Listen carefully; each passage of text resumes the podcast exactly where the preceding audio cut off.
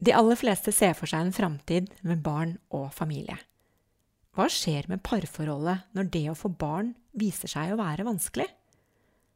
Og hvordan oppleves forholdet til venner og familie som stadig minner deg på at du bør vel få barn snart?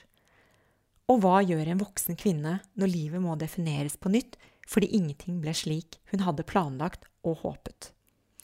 Dette kan du lese mer om i boken Barnløs Boken kan bestilles i bokhandelen. Du kan kjøpe den portofritt på barnløs.no. Og hvis du sender meg en e-post, så kan jeg skrive en hilsen til deg i boken. Da sender du til boken barnlos i ett ord at gmail.com.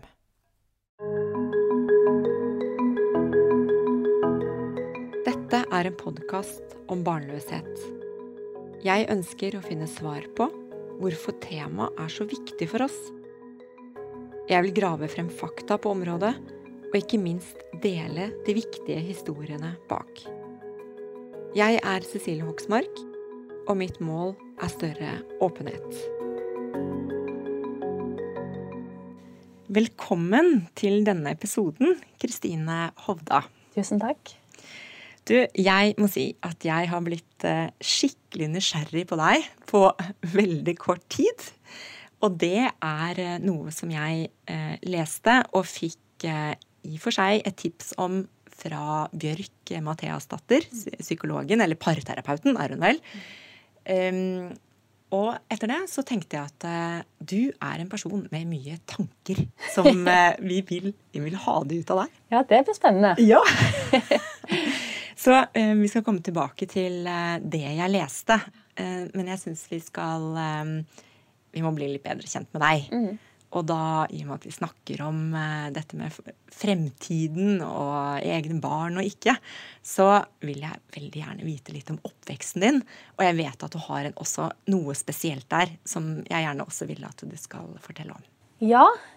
Eh, det er jo sånn at disse tingene som har med barn og ikke barn og hvem man skal få disse barna med eventuelt, liksom, det, det, er jo veldig knytta til hva man på en måte har til felles med noen. Sant? Man finner en person man har lyst til å dele livet med, som kanskje ligner litt på en sjøl, eller som har noen liksom Man, man ser verden på li, ganske sånn lik måte, da. Ofte sånn man parterapeuter sier, som finner noen som har ganske like verdier som deg sjøl, og interesse og sånn. Og så for meg så så har dette vært en ting jeg har vært på en måte veldig sånn klar over hele livet mitt, fordi jeg vokste opp eh, på, på, et lite sted der det, liksom, det var to kategorier mennesker. Det var de som gikk på diskoteket, og så var det de som gikk på bedehuset. Og så var det vår familie. Og den familien passet liksom ikke helt inn noe, noen av de stedene. Fordi vi var sånne karismatiske kristne.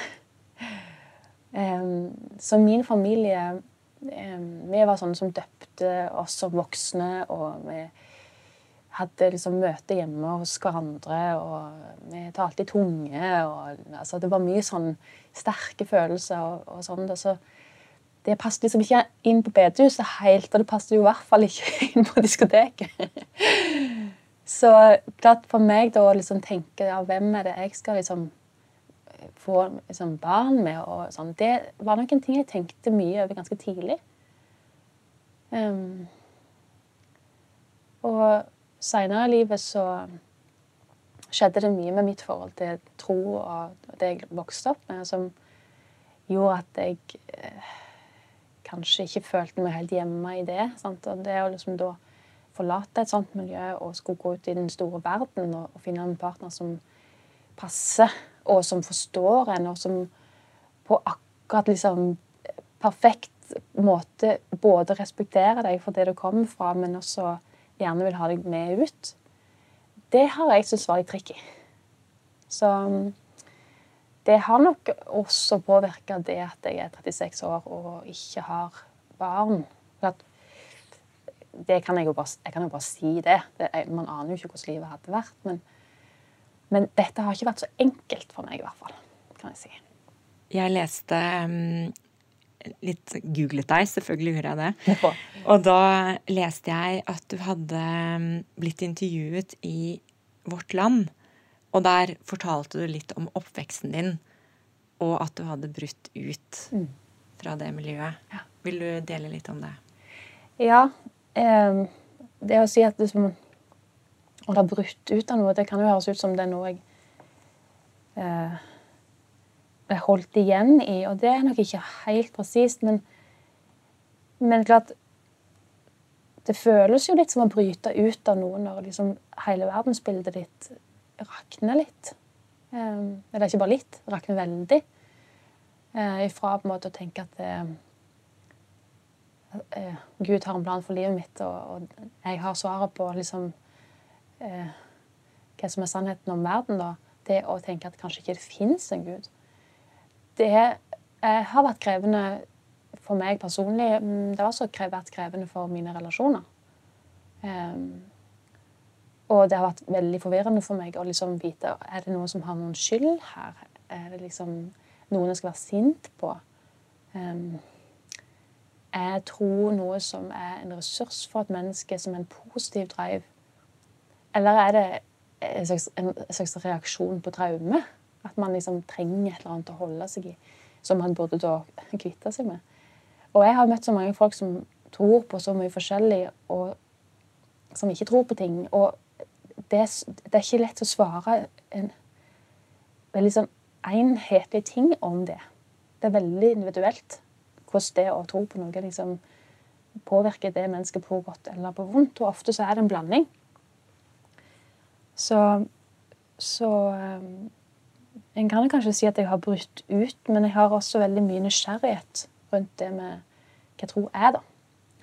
Um, både det å ha en åndelig erfaring, sant, som jeg hadde mange av når jeg var når, som i oppveksten. Da. Hvor skal jeg gjøre av de erfaringene? Hva var det? Sant? Um, og, og, Ja, så jeg tror nok at Du hører det kanskje på meg. Jeg har nok blitt en person som har mange store eksistensielle spørsmål som jeg går og, og dytter litt på hver dag, egentlig, på grunn av dette. Eh, og jeg tror at det fine som har kommet ut av det, det er at jeg er veldig sånn um, Jeg er ikke så kjapp da, til å si at ting er bra eller dårlig. Ofte så er det mye bra i ting som også er litt dårlig. Og omvendt. Hva sa, hva sa familien din når du gjorde et slags opprør? Ja, vi har jo vært en familie som på en måte har uh, vært en sterk klan, kan du si. Fordi, fordi at det, det, å vokse opp sånn som jeg gjorde, det var jo uh, Vi var jo litt annerledes. Um, og det, det, har jo gjort at vi er veldig sammensveisa. Og det har jo vært som sagt, krevende å liksom, ok, Hvis vi løser opp i på en måte, det som gjør oss annerledes, da at Kanskje ikke jeg tror lenger, da. Hva, hva skjer med våre relasjoner da? Eh, og det har vært veldig fint for meg å se at eh, familien min er ikke liksom Det er ikke det vi mener som holder oss sammen. Det er på en måte det er en, en dyp følelse at vi vil hverandre vel, og at vi forstår at vi er komplekse mennesker alle sammen. Og jeg har veldig respekt for mine foreldre som på en måte har levd på sida med mange ting i livet. Um, og vært nødt til å stå for det. sant? Uh, på samme måte som de da nok har respekt for at det de satte i gang i meg ved å gi meg den oppveksten, som er på en måte motkulturell, det har jo jeg tatt med meg, selv om ikke jeg kanskje med min motkulturelle dreiv da ender opp samme sted som de gjør. Så eh, det er veldig spennende å, å være meg, syns jeg. Det tror jeg. Vokste du opp med søsken? Ja, jeg har tre søsken. Mm. mm. Jeg er yngst. Mm. Du har jo endt opp eh, som journalist, kan vi vel mm. si. Ja. Du er frilansjournalist. Mm. Og hvordan kom du dit, da? Det var nok Når jeg var tolv år, så tenkte jeg jeg skal enten bli misjonær eller popstjerne eller journalist. og jeg har jo vært litt misjonær. Jeg var jo tenåring og reiste rundt på gatene i Europa og misjonerte. Eh, det var mye galskap og mye gøy med det, og mye slitsomt med det. Eh, og popstjerne det, det, driver jeg litt sånn forsiktig på med innimellom. Og spiller litt og har skrevet mye egen musikk de siste årene. Som henger sammen med egentlig mitt prosjekt med å finne ut av alt det der. Fordi at jeg tenker ofte best når jeg lager musikk. Det er en slags eh, førspråklig erfaring, som det heter på fint. Altså at jeg skjønner ofte ting i musikken som jeg ikke skjønner kognitivt. Og så skjønner jeg det etterpå. Så det har vært veldig viktig for meg å ha, ha som verktøy. Um, men jeg ble jo journalist um, tror jeg litt for å ha et slags verktøy da, for å, å, gå gjennom livet og stille alle disse spørsmålene som jeg begynte å få. Um, og de spørsmålene Igjen, sant, når du vokser opp så motkulturelt og så annerledes som På verdensbasis er jo pinsebevegelsen eh, den nest største kristne um, Det nest største kristne trossamfunnet. Så på en måte så er det ganske sånn det, det, er motkulturelt å være lutheraner, egentlig, i verdenssammenheng. Men det oppleves ikke sånn når du vokser opp på bygda på Jæren.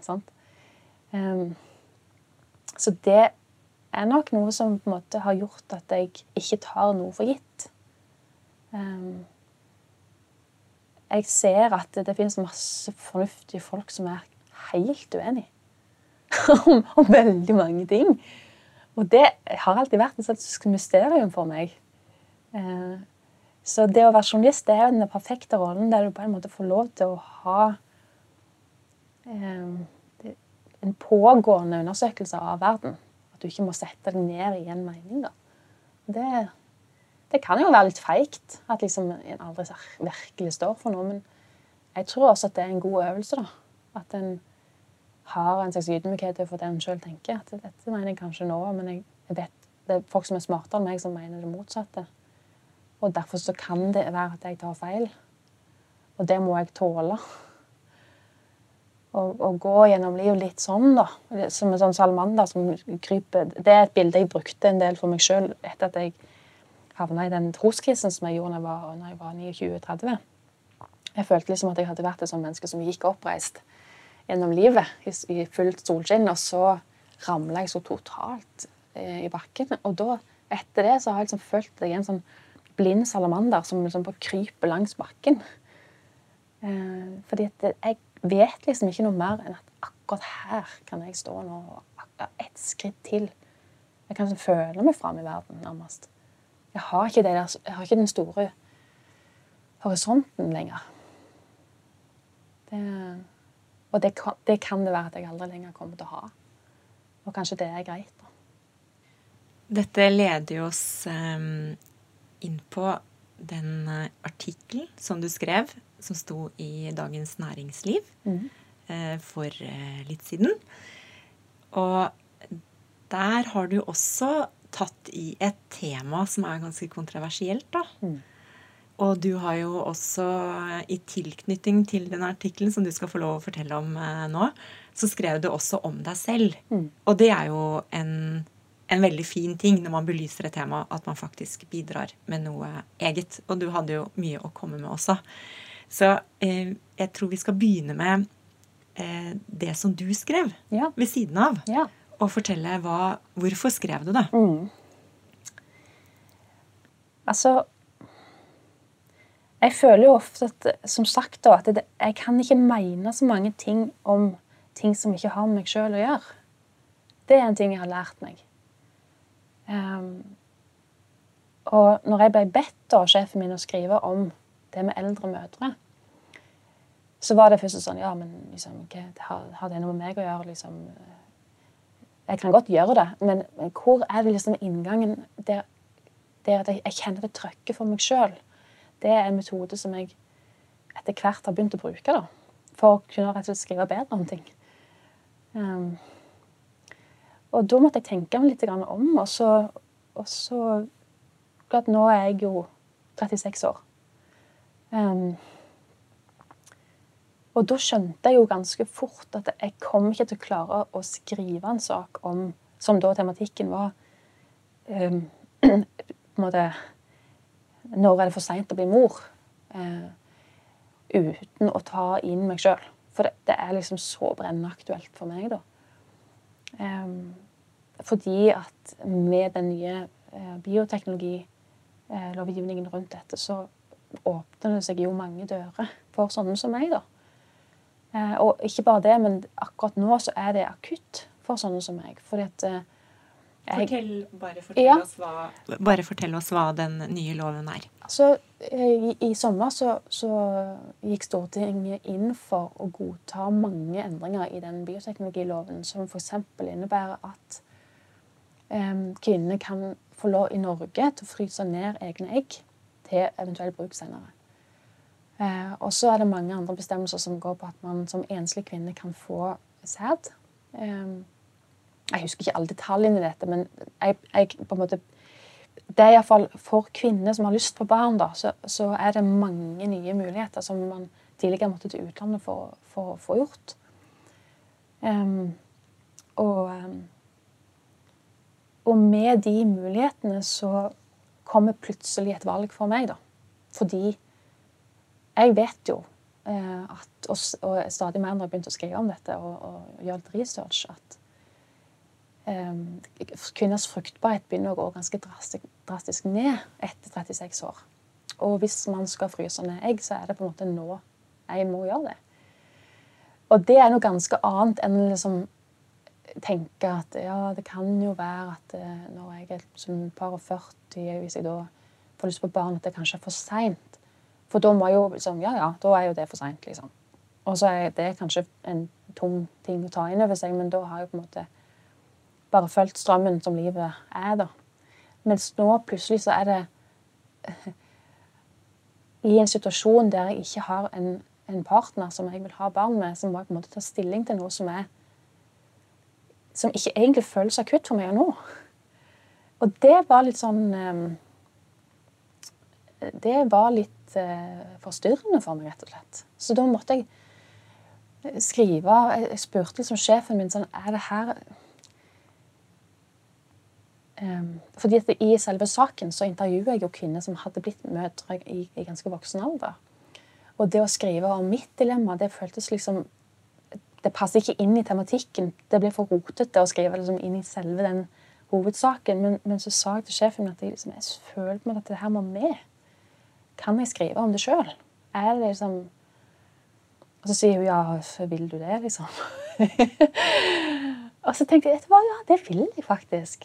Eh, fordi eh, Jeg vet ikke. Det, jeg intervjuer folk stadig vekk som byr på seg sjøl og snakker om sårbare ting. og Nå var det på en måte litt min tur, følte jeg, å bidra litt, da. Um, fordi den tematikken som jeg løfter fram, altså dette med, at, dette med å få et valg i fanget, som du kanskje ikke er helt klar for, um, som du ikke hadde hatt hvis ikke noen hadde bestemt for deg at du skulle få det, det er ikke et dilemma som jeg har sett er blitt skrevet om før. Um, jeg har jo ikke lest veldig mye om dette før, for jeg har ikke tenkt så mye på det. faktisk, For ærlig. For jeg har alltid tenkt at det tar jeg den dagen jeg møter en mann jeg vil ha barn med. Uh, eventuelt når det er så seint for meg å få barn at jeg må ta stilling til om jeg vil eksempel, uh, få sæd utenfra. da, eller sånn. Men nå var det plutselig noe som var liksom har en helt ny problemstilling. da. Så um, Ja, så da skrev, skrev, jeg et lite essay om det, da, og la, la ved saken. Ja. Hva føler du om det i ettertid? Jeg føler litt om det på samme måte som, som litt dette med barn. At uh, det å tenke mye på én ting gjør jo at det blir større. Og um, i mitt liv så, de siste årene så har det vært så mye fart at jeg kanskje sånn bevisst ikke har dvelt så veldig ved ting. Jeg har bare på en måte latt ting skje. Fordi at jeg har visst at hvis jeg dveler for mye ved ting, så orker jeg det kanskje ikke. Det har vært uh, um, Ja, det har vært mange liksom mange runder med det å skrive bok og, og gi ut den. og og, og, også det med, i forhold til musikk, da, det å lære seg å stå på en scene for eksempel, og ikke bli tatt av sceneskrekk. Altså, det er en slags øvelse i å ikke være så selvopptatt som gjør at jeg klarer det, og at jeg ikke faktisk lenger er nervøs når jeg går på en scene. Fordi at eh, jeg har lært meg å ikke tenke så mye på hva folk syns om meg. For det får jeg et mye bedre liv av. Um, så sånn sett så har jeg ikke tenkt så mye på det at jeg skrev ideen. Um, men klart, jeg gikk jo forbi en sånn plansje dagen etterpå. Når, her sto på en fredag, da, og så på lørdagen så gikk jeg forbi DN, og så så jeg at liksom, på den store sånn, skjermen de har liksom, vestibylen der, så var det et svært bilde av meg. Sånn, Singel. Jeg er singel og 36 år. Hva skal jeg gjøre? Kom det noen forslag? Nei, Da kjente jeg at det var litt svett. Så det er jo ikke helt sånn friksjonsløst heller å, å være så personlig, da. Men jeg heier jo litt på at eh, Jeg mener Det jeg skriver om, er så vanlig. Og jeg syns det er fint at vi skal slippe å tenke at vi skal løse alle problemene individuelt. Fordi dette her er lovgivning som er på en måte eh, iverksatt for et kollektiv. Og da syns jeg også vi skal snakke om dette på et kollektivt plan, da. Må alle ha barn? jeg håper ikke det, fordi Altså, jeg Igjen, jeg, jeg, tenker at det som man fokuserer mye på, det blir stort. Um, og jeg var ikke sånn da jeg var liten, at så mange av venninnene mine at de skulle når vi var 10-11 år, så skulle vi liksom låne noen av disse nurkene som var i bygda, for å trille rundt på de, liksom. Jeg, jeg, jeg, skjønte aldri helt poenget med det. Jeg syntes det var kjedelig. Um, og så lurte jeg jo på er det liksom noe jeg burde synes var veldig spennende, dette med de ungene. Jeg er veldig glad i dyr. Jeg har hatt, vokst opp med masse hester og katter og, og hund. har. Og det kommer så naturlig for meg. Um, og jeg er jo tante til mange barn så, som jeg elsker, og som gir meg så mye glede. Um, men jeg, jeg, tror nok at Jeg ser jo at det å um, Dette her er et slags dilemma for meg som ikke bare handler konkret om barn, men som handler om rett og slett det å knytte lykken sin veldig konkret opp til en bestemt ting. Det kan jo gjøre at det blir mer sannsynlig at en oppnår det. Men det kan også gjøre en mer ulykkelig. Og jeg har ikke helt funnet svaret på hvor jeg skal legge meg i livet på et generelt nivå når det gjelder disse tingene. Om jeg skal bli en, en stoiker på en måte som på en måte lar eh, livet skje. Eller om jeg skal gå liksom inn med passion for masse ting jeg ønsker meg. For jeg har også erfaring på at ting jeg trodde at jeg ville veldig sterkt, ble en skikkelig nedtur når jeg fikk det. Så Derfor så er det litt komplekst for meg å svare på det med barn. Eh, jeg tror jo selvfølgelig at, eh, at eh, det kan gi enormt mye glede hvis det å få barn ikke på en måte er en idé om at da skal jeg bli lykkelig. Fordi jeg tror lykken er noe som en i ganske stor grad skaper sjøl. Um, og jeg vet at det er mange av de tingene jeg holder på med, som sikkert blir litt vanskeligere å få til hvis jeg får barn. For da blir det liksom mindre tid til å kjøre på med mine interesser. Da. Men igjen um, Jeg syns det er veldig spennende å følge med på organismen Kristine, og hva den har lyst til. Og det overrasker meg ofte. Så jeg har iallfall akkurat nå ingen sånn umiddelbar trang til å dra til Danmark og få et barn alene. Det vet jeg. Um, det kan være at det endrer seg. Det kan være at jeg våkner en dag og bare Jeg må ha barn. Um, jeg vet jo ikke engang om jeg kan få barn. Så liksom Kanskje jeg møter en mann jeg blir totalt oppslukt forelska i, som har barn fra før, som ikke vil ha barn. Hva gjør jeg da? Så det Jeg syns det er Det er derfor jeg snakker om denne salamanderen. For jeg kan egentlig bare forholde meg til hvordan ting er for meg akkurat nå. og så så får jeg se, da. Litt sånn. når du mm, sa så vidt at du har eh, tidligere jaget etter noe som du trodde ville gjøre deg lykkelig, og så viste det seg at det ikke var sånn, Mm. så har jeg tankene at eh, vi lever jo ved, med veldig mange forventninger Mm. til oss selv.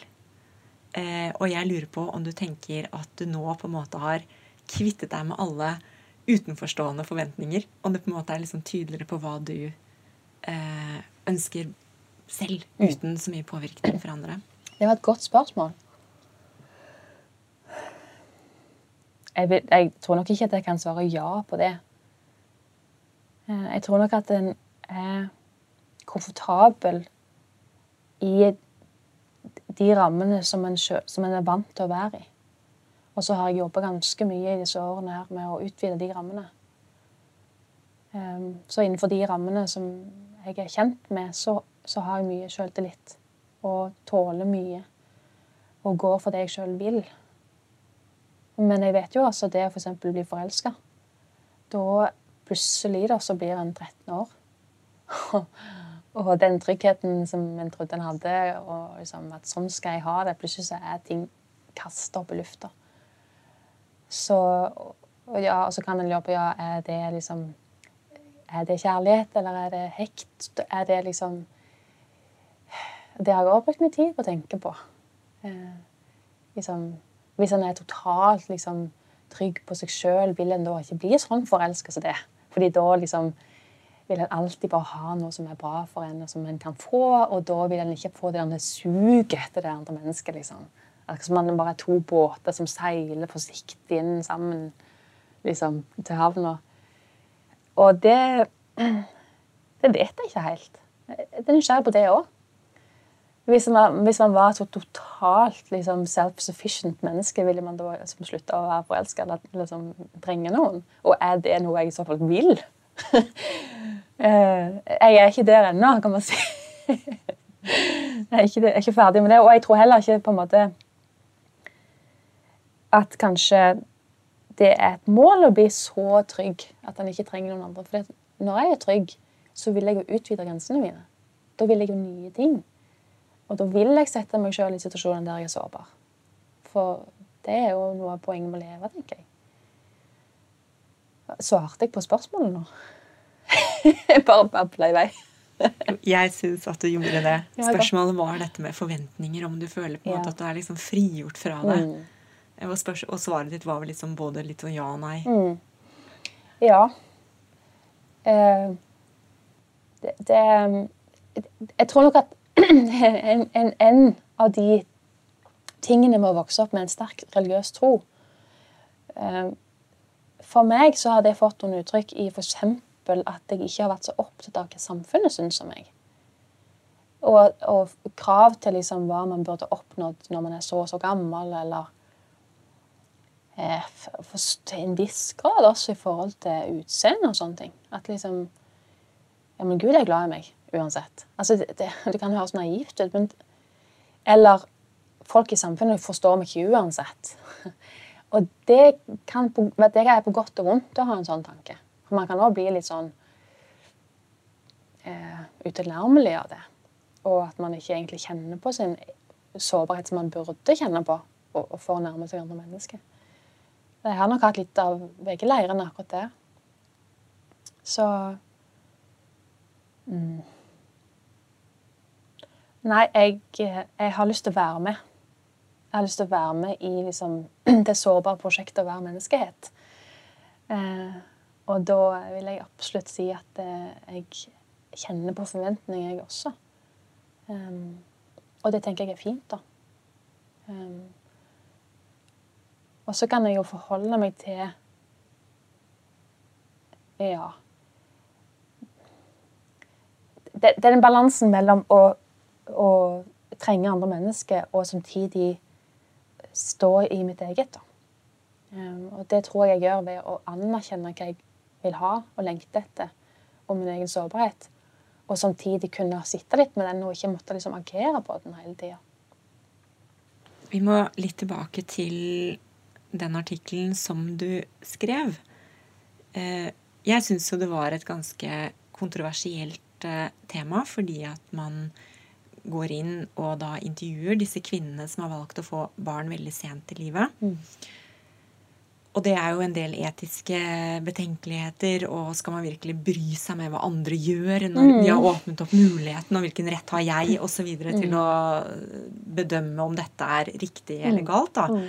Så jeg syns det er et skikkelig vanskelig tema. Men jeg er glad for at du skrev om det. Eh, vil du dele litt hva den artikkelen handlet om? Ja, det var Det var rett og slett en artikkel der jeg hadde lyst til å intervjue kvinner som eh, hadde altså, fått barn når de var ganske voksne. Eh, jeg husker ikke helt eh, Jeg snakket med flere. eh, og flere snakket, Jeg leste en del sånne anonyme innlegg som folk hadde skrevet. og liksom satt meg litt inn i det på et sånn generelt grunnlag, og så fant jeg et par caser. Um, og ingen av de jeg intervjua da, hadde tatt i bruk nedfryste egg, f.eks. Eh, hun ene hadde fått hjelp til å bli eh, gravid. Eh, men det var, det var hennes mann og hun da, som, som hadde altså deres eh, genmateriale. Eh, og det samme var det andre paret også. Men de var jo Hun ene opplevde jo at dattera fikk barn omtrent samtidig med at hun fikk barn.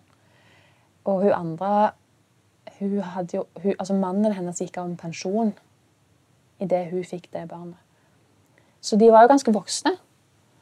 Um, og da ville jeg høre litt med dem om Jabo, da, det, hvorfor de valgte å gjøre det, og i hvilken grad det var et valg å få barn. Hvordan det opplevdes å folk rundt dem. Um, og også en del sånn ja, Er det noe forskjell på å få barn når du er 45 og når du er 20, da? Eh, hun ene hadde jo fått barn Eller begge to hadde jo barn fra før. Så de hadde jo liksom veldig sånn konkret erfaring på hvordan det opplevdes forskjellig. Og jeg har jo ikke barn, så jeg har jo ingen sammenligningsgrunnlag. Men jeg syns jo det er fascinerende å snakke med noen som har barn, og som uttrykker så stor glede over det. Selv om det også var veldig krevende for dem. Og sånn som hun ene sa, da, at når hun først liksom Hun hadde jo tenkt hun skulle ikke få flere barn. Og, og når samboeren da etter hvert liksom Du, kanskje vi skal få barn likevel? Så, så gikk de for det. Og akkurat som da Da ble det plutselig veldig viktig for hun. Og det var litt interessant. Og også det som begge to sa, at eh, når de fikk barn når de var yngre, så var de på en måte litt mer happy go lucky. Selv om de, det var veldig nytt for dem, og de hadde ikke noe erfaring på det. For når de var eldre, så var det akkurat som de begge to som skjønte hvor mye som kunne gå galt ved det å ha barn. da.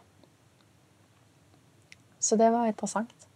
Kan jeg spørre deg hva du tenker selv om å få barn så sent?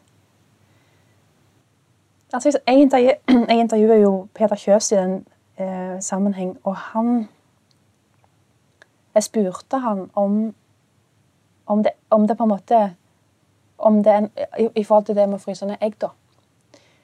Er det naturlig at man er bedre psykisk rusta til å få barn i den alderen som man naturlig sett fysisk får barn? For hvis man i teorien da, eh, i hvert fall hvis man skal ta inn dette med donoregg, eh, kan få barn i det uendelige. Som man jo ofte Altså, no, ja, man kan det. Er det noe problem? Og det han sa om det, var jo at det er jo eh, Naturen er jo på en måte Disse tingene henger sammen. Um, og man tåler bedre våkenhet når man er yngre enn når man er eldre.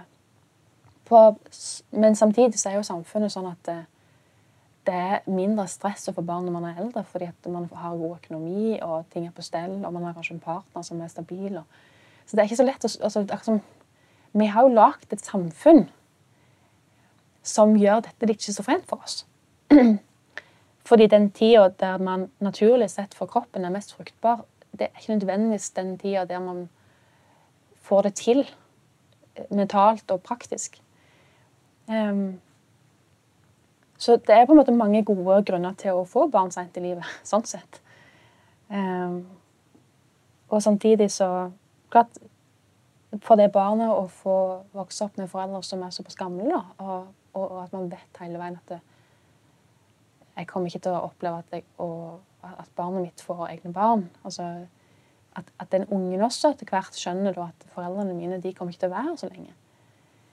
Det er jo et dilemma. Og så kan man jo si ja, ja, men de ungene hadde jo ikke blitt født hvis ikke. Så, og det kan man jo alltid si.